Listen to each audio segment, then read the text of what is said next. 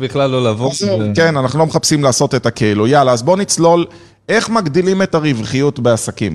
אני, אני באמת, אה, אתה יודע, דיברנו על זה אתמול, ו, ואני חייב להגיד לך, באמת מהניסיון שלי עם המון המון בעלי עסקים שאני נתקל בהם, זה אחד מה... זאת אומרת, כולם התחילו מצד אחד את הפעילות העסקית, בסדר, ברור גם בגלל שהם אוהבים אולי את המקצוע ויש להם את המיומנות שלהם וכולי, אבל בסופו של דבר, כולם פותחים אה, עסק מתוך איזושהי מחשבה לשדרג את עצמם מבחינה כלכלית, בטח ביחס לשכיר, בטח להגיע למדרגות גבוהות יותר של איכות חיים, של אה, הצלחה.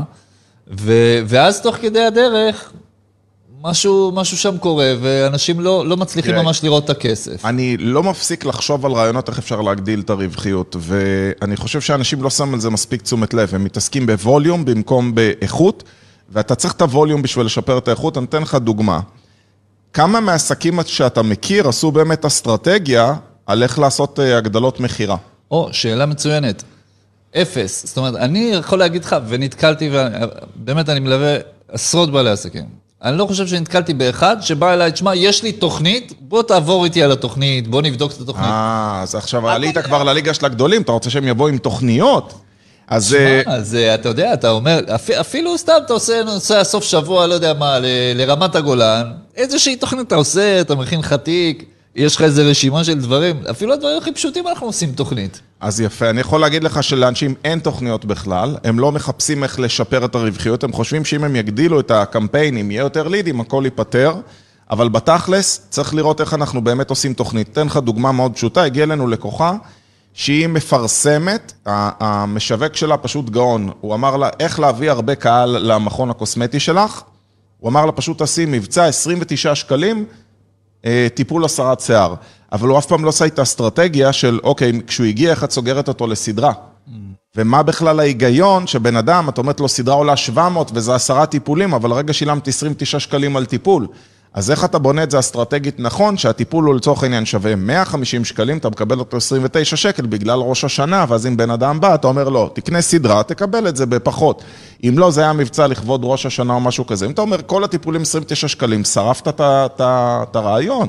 כן, האמת היא שזה, אתה יודע, זה מאוד מאוד מזכיר לי, שוב, אני, אני מרגיש הרבה פעמים את ה-DNA שעצמאים או בעלי עסקים, בעיקר בתחילת הדרך, אה, מגיעים איתו, שזה קצת DNA של שכיר. אז הוא okay. אומר, אוקיי. אז הוא אומר, אוקיי, אה, אני פשוט אהיה יותר חרוץ מכולם, אני אעבוד יותר שעות מכולם, אני גם לא אביא עובד, למה לי להביא עובד? אני אעבוד, ככה אני אחסוך עלויות, כל מיני מחשבות כאלה של שכיר. אז זהו, שהיה אצלי אתמול בחור, שבדיוק היה בגישה הזאת, הוא יועץ משכנתאות, והוא חושב שהוא הרבה יותר רווחי כי הוא עובד לבד. הוא אומר, אני עושה 70 אלף שקל מחזור, נשאר לי 50, מה רע? אמרתי, תראה, אתה בחור מאוד אינטליגנטי, אבל היום אתה בן 37, אם חס וחלילה מחר יקרה לך משהו, או תרצה לצאת לחופש, או תרצה להיות יותר עם הילדים, אתה לא יכול. עכשיו, הבן אדם מתגאה בזה שהוא עובד כל יום עד 11-12 בלילה. וואו. והוא כל הזמן, אני אוהב את זה, אבל אני אוהב את זה. אני אומר, אין בעיה, תאהב את זה, כאילו, מה, אתה אוהב הכל? גם את השיחות טלפון, גם להוציא חשבוניות, גם את הגבייה, הכל אתה אוהב? אז אתה יודע, בסדר, אבל זה בסדר בשלב מסוים, ואם אתה באמת רוצה להגדיל, אז כן, להגדיל את הרווח, דרך אגב, זה להביא עובדים. נכון. זה, לא, זה לא לעשות הכל לבד, אין היגיון בלעשות את הכל לבד. נכון. אגב, אנחנו נאמר שאנחנו פה בשידור היום רוצים לתת, אה, לנגוע בכל מיני טעויות נפוצות. אה, בהרצאה שתהיה היום בערב אתם קבלו ממש אה, שיטות וכלים איך לשפר את הרווחיות, וזה, כאילו, אחרת זה פשוט לנסוע על ניוטרל, אז זה ממש ממש כדאי. אז, אז באמת, אז יש את העניין הזה, אוקיי, אחד, אני לא אביא עובדים, אני אעבוד יותר, כל מיני שיטות לכאורה, אני מוציא פחות, כאילו, ככה אני מבזבז פחות, מה, אני... גם כן אה, לא מוציא על עובד, גם כן אה, עובד יותר שעות, אבל אה, בסופו של דבר זה קצת מזכיר לי, אתה יודע מה, אתה חזק בחדר כושר, אני לא. אני מאלה שמגיעים חדר כושר, אומרים, טוב, יאללה, בוא נעשה חדר כושר, מגיע, מרים איזה 100 קילו פעם אחת, זהו, מתעלף. נגמר, זהו, לא בשבילי. זה קצת ככה, אם אתה מתחיל כאילו, אם אתה עושה כזה מאמץ עילאי, שהוא כבר מאמץ כאילו על-טבעי, זה בסופו של דבר לא בריא לך, וזה גם, אי אפשר, אפשר לשמר את זה, אי אפשר לייצב כזה שגרת חיים. אז בואו נדבר רגע על רעיונות של מה אפשר לעשות הגדלת רווחיות. קודם כל, הגדלות מכירה, זה משהו שיכול להיות בכל תהליך, אבל הגדלת מכירה יכולה להיות רגעית לבן אדם שנמצא מולך כרגע בקופה. אבל הגדלת מכירה יכולה להיות גם ללקוחות שקנו ונמצאים כרגע בשירות. הופה. זאת אומרת, קח לקוח שלך, קחו את הלקוחות שלכם שכרגע כבר צורכים מכם שירותים, בואו תוסיפו להם עוד משהו אחד שיגדיל להם את התשלום החודשי שיורד אצלכם. אם יש לך אה, רשת אה, חדרי כושר, למה לא להציע באותה הזדמנות גם תוכניות תזונה, גם טיפולי מסאז'? את יכולה לקחת את זה כחלק מהסדרה שלנו, משהו כזה שהוא חלק מהשירות. בהחלט, בהחלט. זה מזכיר לי שיחה שהייתה לי אה, שבוע שעבר עם לקוח, בחור מבריק אגב, שבא מהעולם של השיווק, אני בא אליי לפגישה, אמרתי לו, למה באת להיפגש איתי? אתה מומחה לא, לא יותר קטן ממני. אבל מסתבר שבכל זאת הוא היה צריך עזרה וסיוע. ואחד מהדברים שעשינו ביחד זה להבין, אוקיי, איך אנחנו יכולים להגדיל את המכירות ואת כמות ההמרות בסופו של דבר מכל מיני מפגשים שהוא עושה, כנסים שהוא עושה, וובינארים שהוא עושה. ו... ואמרנו, אוקיי, איך אנחנו יכולים להגדיל את המכירות? ו... ואחד הדברים המעניינים שגילינו זה שיש בעצם איזשהו אה, קו תפר להקל על לקוחות חדשים לעשות רכישה ראשונה, אז אתה צריך לתת להם מוצרי מבוא, אתה צריך לתת להם איזשהו מסלול זול יותר, מסלול ראשוני, מסלול התחלתי. מצד אחד, אם תמכור רק אה, מסלולים קטנים, או רק לא חבילות קטנות... לא תוכל להתפרנס. בדיוק, לא תוכל להתפרנס. אבל אני אגיד לך שיש לזה גם גישה הפוכה. אם אתה לוקח בחשבון בעל עסק שיש לו מוצרים, ונגיד הוא מוכר אה, מפגש ראשון, תוכנית של, אה, של עשרה שיעורים, אבל אחר כך הוא מוכר את קבע הקטנות האלה, שאתה אומר, אני לא אבטל אותם, טוב לי עם הדבר. הדבר הזה בסופו של דבר יכול להכניס הרבה מאוד כסף, ואנשים מפחיתים ביכולת שלך לייצר בעצם הרבה מאוד כסף, אתם צריכים למצוא איזשהו מוצר שהבן אדם פשוט יכול להמשיך איתו, שיש לו המשכיות של המוצר שלך, המשכיות של השירות. ה micro payments הם הכסף הגדול, אתה יודע, מתי פעם אחרונה בדקת בבית את העלות של הטלפונים הסלולריים, את העלות של האינטרנט, את העלות של לא התמי בר, את העלות של הקפה? לא רק זה שלא בדיוק בדקתי, אלא אפילו יותר מזה, אני יודע שיש לי כמה הוצאות שאני סתם כל חודש משלם, משלם ופשוט עוד לא הגעתי לבטל את זה, לא היה לי כוח לדבר מה, אתה יודע, אפילו עכשיו שעשיתי את האינטרנט במשרד, אז מצאתי דיל שהוא הדיל הכי זול שאפשר, אבל זה בשנה הראשונה, ואחרי שנה ראשונה זה עולה ב-50%. והם פשוט סומכים על זה שרוב האנשים לא ישימו לא לב. לא ישימו לב. זה פשוט יעלה אוטומטית ואתה תמשיך, ושאלתי, ואין אה, התחייבות, כאילו, אני יכול לבטל? אומרים, כן. אתה יכול, אתה יכול לבטל, כאילו, תכלס תחליף ספק. מדהים. הם אומרים, או שהוא ישכח, או שנילחם עליו, או שנעשה לו עוד פעם איזה מבצע, או שיהיה מבצע חדש, העיקר בוא נגייס אותו בתור לקוח, כי כן. הרבה פעמים השווי שלך הוא ככמות הלקוחות שלך, וגם, שים לב מה עוד, זה foot in the door, נכנסנו פנימה, או... עכשיו אני בפנים, עכשיו בוא תמכור משהו, אז אם אני עכשיו הפכתי להיות לקוח של סלקום או פרטנר, עכשיו הם יכולים להציע לי עוד שירותים. וככל שהם משרישים את עצמם בתוך הארגון, אני לא אתנתק מהם עוד שנה, כי אני עכשיו כבר לקוח שלהם. נכון. מה אתם עושים בשביל להיכנס פנימה, בשביל להשריש את עצמכם, בשביל להיכנס ולהיות חלק מאותם אה, אותם, אה, מאגר לקוחות? אתם צריכים לראות איך אתם מכניסים פנימה כמה שיותר. בהחלט, אתה יודע, באמת אחרי. אה, בהמשך לשיחה שהייתה לי עם אותו לקוח, אז, אז הבנו שלעולם הוא לא יצליח להיות רווחי בשיטה הזו, אלא אם כן הוא מאוד מאוד מקצוען בכל מה שקשור לפולו-אפ, ובעצם הליווי של הלקוח מרגע שהוא עשה עסקה ראשונה, או רכש חבילה ראשונה קטנה, עכשיו ההצלחה שלך איתו תהיה תלויה בזה שאתה מלווה אותו, שהייתה איתו, שהוא מגיע לנקודה של לעשות לו אפסל, אתה דואג שטלפן יתקשר וידאג לעשות לו אפסל, ואם אתה לא משקיע... הכנסת לקוח חדש לפול שלך, אבל הוא נופל מהצדדים ואתה לא תופס אותו. אז בשביל שלקוחות לא ייפלו, אתה יודע מה הכלי הכי טוב לשימור לקוחות mm-hmm. ובכלל אה, הנושא הזה של איך להגדיל, תשמור נתח לקוחות יותר גדול, גדול. יותר פעיל, לאורך יותר זמן.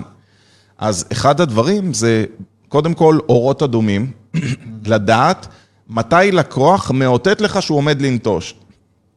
נגיד שאתה לקוח בחדר כושר ועשית מנוי. ורואים שבאת, היית בא שלוש פעמים בשבוע, ופתאום אתה לא בא כבר שבוע רצוף. כדאי לשלוח לך איזו הודעה. אתה לא בא שבועיים, זאת אומרת, ייקח משהו ואתה תבטל את המנוי.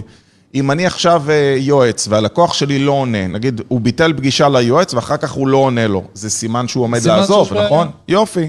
זאת אומרת, מה בתחום שלכם אומר לכם?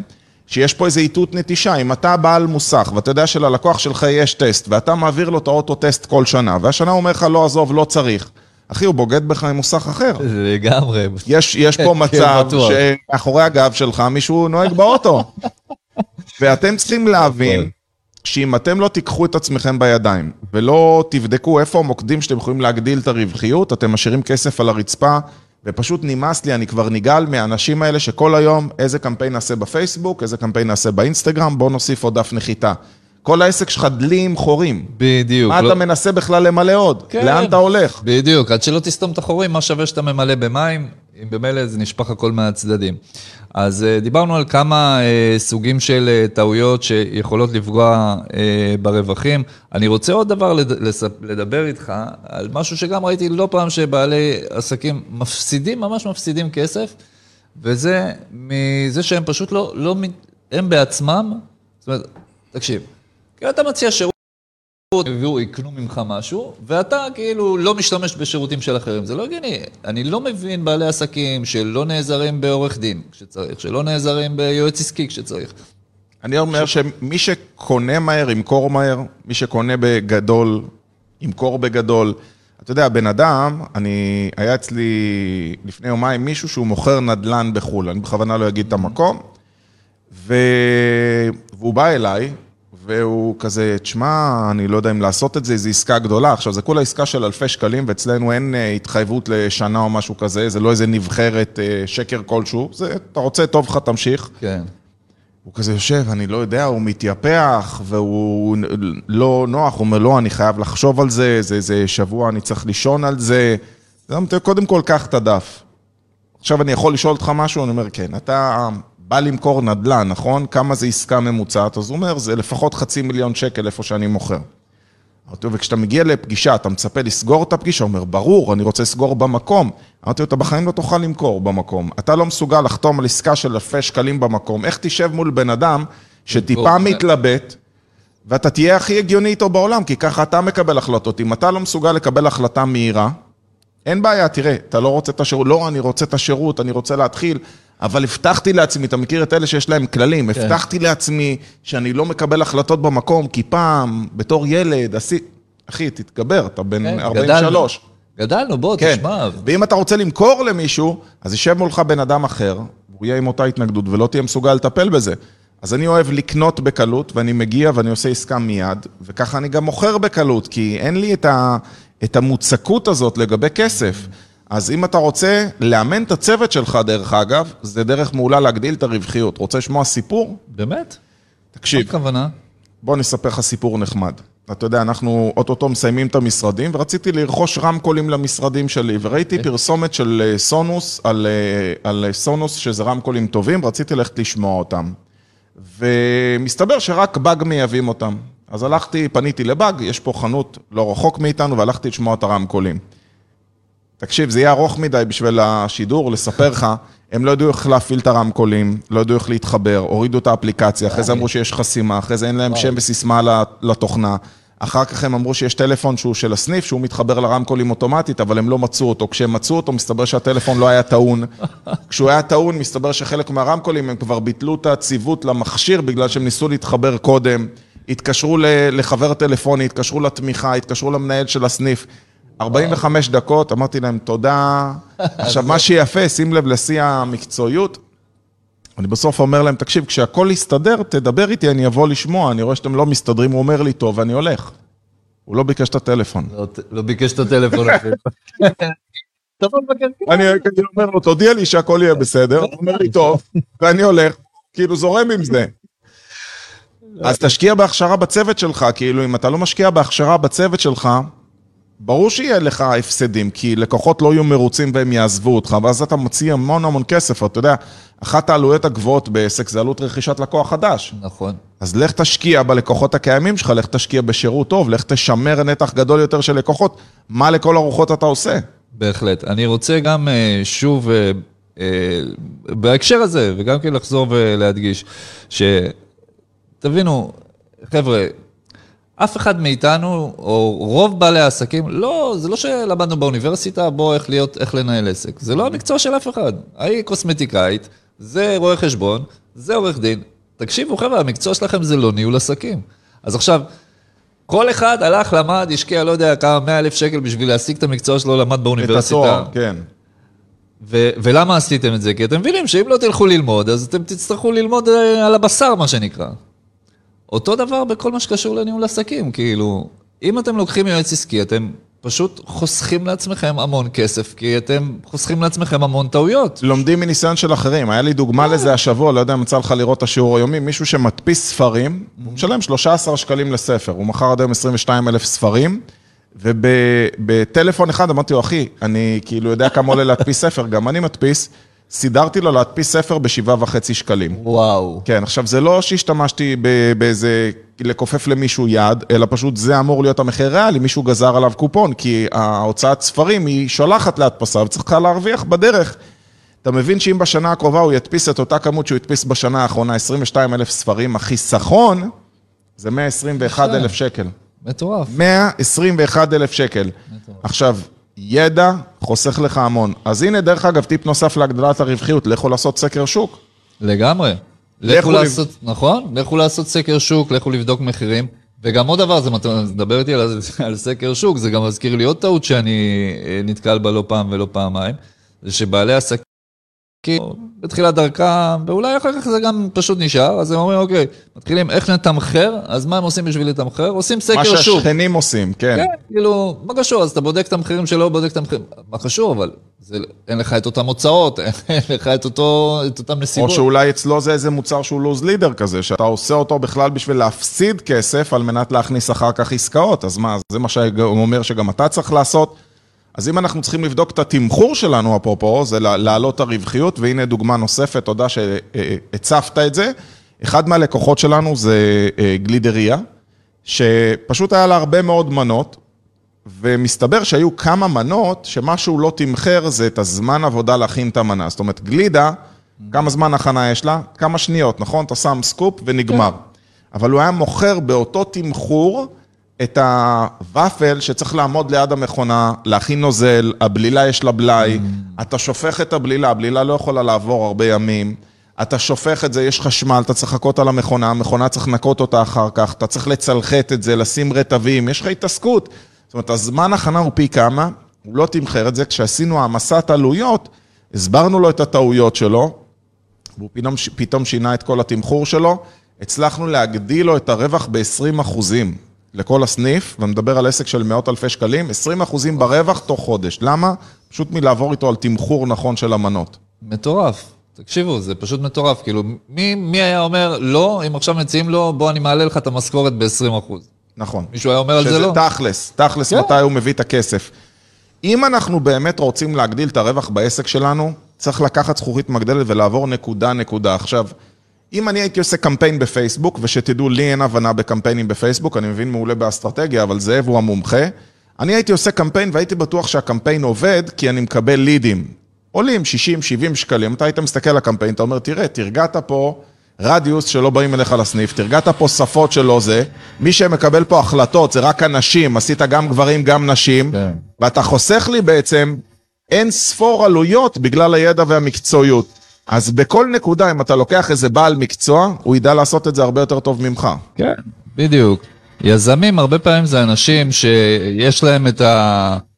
את אני, ה drive. סליחה שאני קוטע, אני מקווה שאתם שומעים את הקדיחות, כי זה בשביל שלכם יהיה משרד יפה אחר כך כשאתם באים אלינו. אנחנו עברנו משרד, וממש בחודש הבא אנחנו כבר נכנסים למשרדים החדשים שקניתי, אז אה, אם יש קדיחות, זה לא תקלה, אנחנו ב live עובדים תוך כדי. כן, מה שנקרא, סליחה שקטעתי אותך. מה שנקרא עכשיו לא נוח, יהיה יותר נוח אחר כך. בדיוק. אז אה, אה, תזכיר לי איפה הייתי.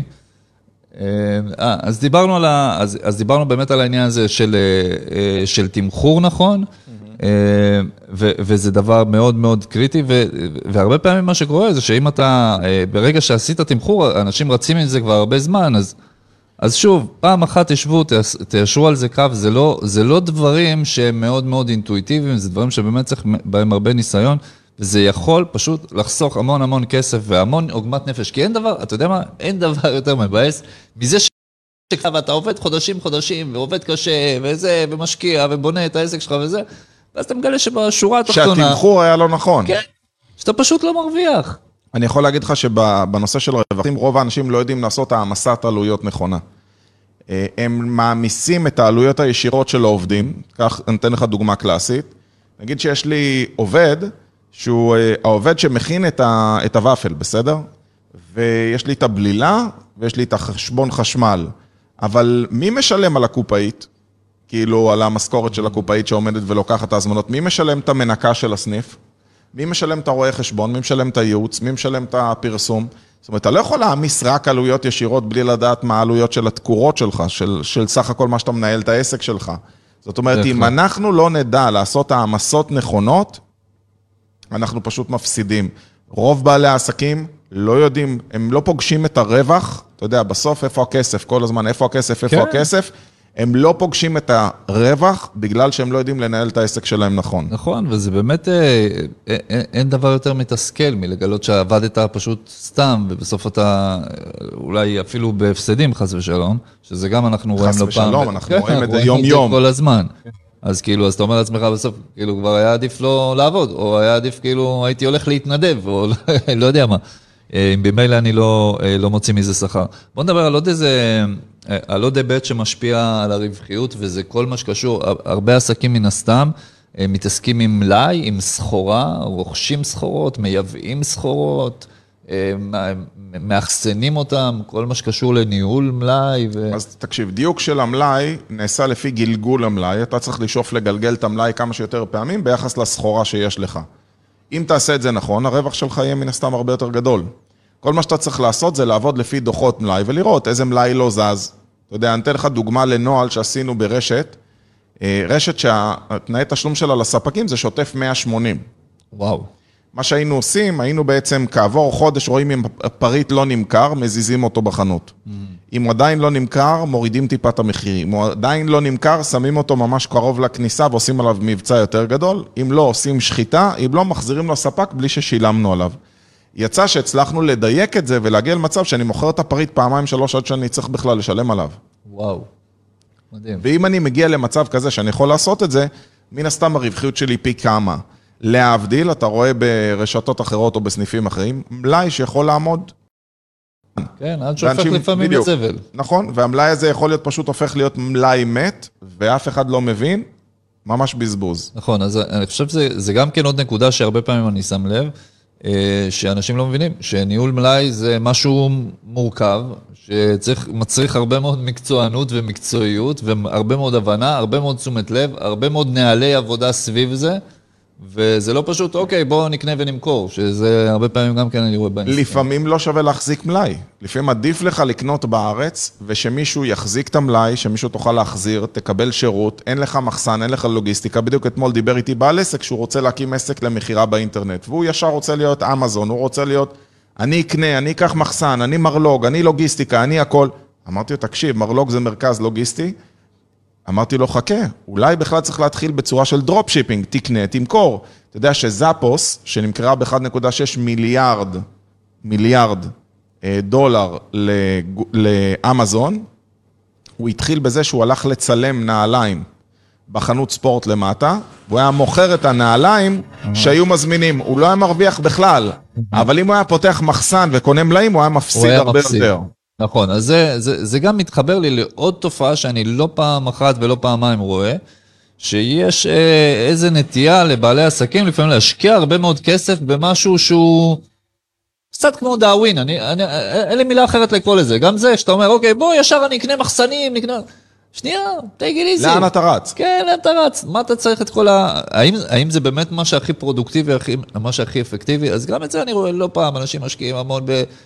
משרדים מאוד מפוארים, לא יודע, רכבים, עניינים. עזוב, אני עכשיו פגשתי מתווך שהוא משקיע, מישהו שקונה נעליים בשלוש וחצי אלף שקל, כאילו, החגורה שלו זה 1,500 שקל, הוא משקיע המון. וואו. אבל כשהגענו לדבר על שיווק, אז לשיווק אין כסף, זה מיותר, הוא ביטל תוכנה, יש תוכנה שולחת וואטסאפים, הוא הוריד אותה כי זה 97 שקל בחודש. אמרתי לו, במקום למצוא איך להשתמש בזה, אתה מבטל את התוכנה כי אתה לא משתמש, אבל זה השיווק שאתה צריך, ועל נעליים אתה מוציא שלוש וחצי אלף שקל, ואז כשאני אומר לך, תעשה שיווק, אתה אומר, אין כסף? כאילו, מה מביא כסף למה? בשביל שתוכל לקנות בגדים, אתה צריך את התוכנה, נכון? אתה צריך לעשות שיווק. prioritizing זה חלק מזה. אם אתה רוצה להגדיל את הרווחיות, תדע מה המקורות שמביאים לך כסף ומה המקורות שמוציאים ממך כסף. מן כן. הסתם, זוג נעליים, יכול להיות שיהיו כמה אנשים שזה ירשים אותם, אבל גם נעליים של 500 שקל יביאו אותו לעבודה. בדיוק, בסופו של, בסופו של דבר, אין ספק שכשאתה קונה כל מיני דברים יוקרתיים, זה נותן לך אולי את ההרגשה כאילו כבר הצלחת, אבל אם אתה רוצה באמת להצליח, עדיף שתשקיע לא, קודם הוא כל קנה את בדברים הבגדים, הפרקטיים. שאלתי אותו למה הוא קונה את המותגים, אז הוא אומר, אני רוצה שלקוח שפוגש אותי יתרשם. אמרתי לו, אבל אתה לא פוגש לקוחות, כי אתה לא מוציא כסף על שיווק, אז אז אף אחד לא מתרשם, כן. אשתך יכולה להתרשם, אבל אתה בסופו של דבר לא עושה כסף מהדבר הזה. חברים, אני מקווה מאוד שקיבלתם פה מספיק רעיונות ככה בשיחה הכיפית שהייתה לנו הבוקר על הגדלת רווחים. אם אתם רוצים תכלס לשמוע יותר, שמתי לכם למעלה את הקישור, איך נרשמים להרצאה. ההרצאה היום, בשעה 4 ברמת גן, עד שעה 7, שלוש שעות שאני הולך להרביץ בכם תורה על כל השיטות להגדלת רווחיות, איך מודדים עובדים, מה חסר לכם בעסק כדי למצוא את הרווח, איך מפרידים קהל קיים וקהל חדש, מה הפעולות שצריך לעשות, איפה נשאר כסף על הרצפה בלידים ועוד המון המון דברים. אתם מוזמנים, וכמובן אל תשכחו לשתף את השידור. אני הייתי אלעד אדר, זאב גרינברג, ואנחנו נתראה בחמישי הבא בסקסס על הבוקר, שיהיה יום נפלא. ביי, סוף ביי, שבוע ביי. טוב.